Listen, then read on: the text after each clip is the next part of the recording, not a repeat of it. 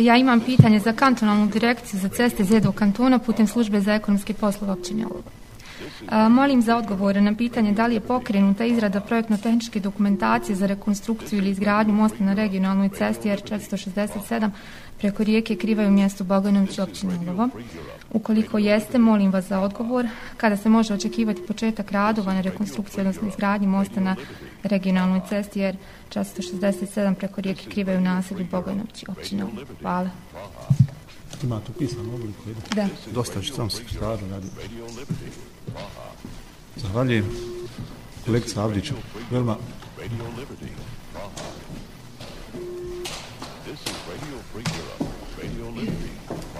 Hvala predsjedavajući. E, pošto se prvi put javljam, pozdravljam da ne nabrajam pojedinačno sve prisutne u sali kao i one koji nas u ovom trenutku slušaju putem radio Olova.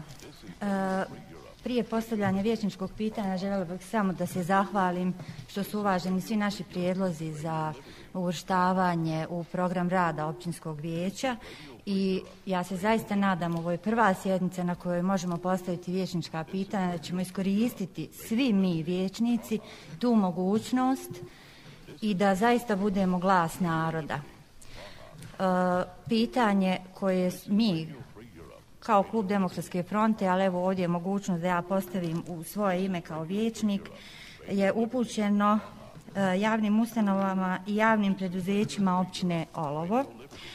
E, tekst pitanja ovako. Moli menadžment javnih preduzeća i javnih ustanova općine Olovo da mi dostave podatke o broju sudskih sporova koje su javne ustanove i javna preduzeća izgubile na sudovima, a koji su vođeni po osnovu tužbi uposlenika za protuzakonito otpuštanje sa posla. Molim da se traženi podaci dostave za period od 2016. godine do danas. Potrebno je dostaviti pod 1. broj takvih slučajeva, pod 2. ukupne troškove po presudi, pod A. neisplaćene bruto plaće, B. ukupne kamate na neisplaćene plaće i C. sudske troškove.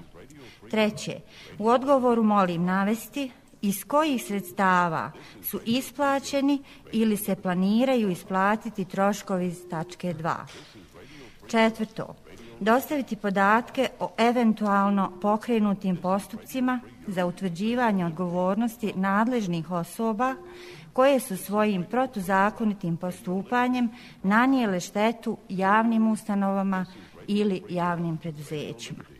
U obrazloženju Svjedoci smo određenih slučajeva u našoj lokalnoj zajednici gdje rukovodioci javnih ustanova i javnih preduzeća protuzakonito otpuštaju radnike sa posla.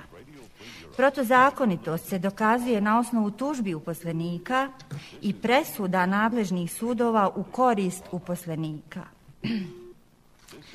Takvim postupanjem odgovorne osobe nanose višekratne štete javnim ustanovama, odnosno javnim preduzećima, a u krajnjoj liniji građanima općine Olovo, na način da nesavjesnim radom uzrokuju troškove sudskih postupaka, kamata, naknadnih isplata plata otpuštenom uposleniku, te isplata plata, poreza i doprinosa radnicima koji su umjesto protuzakonito otpuštenih radnika primani na njihovo radno mjesto.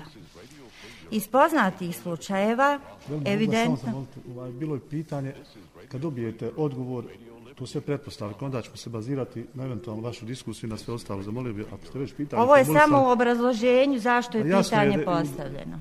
Jasno je, pitanje je bilo razumljivo, pa ja mislim nema potrebe da ga obrazlažimo sada, jer sačekat ćemo odgovor, pa može biti ono, svakako imate pravo posle na diskusiju potom onaj...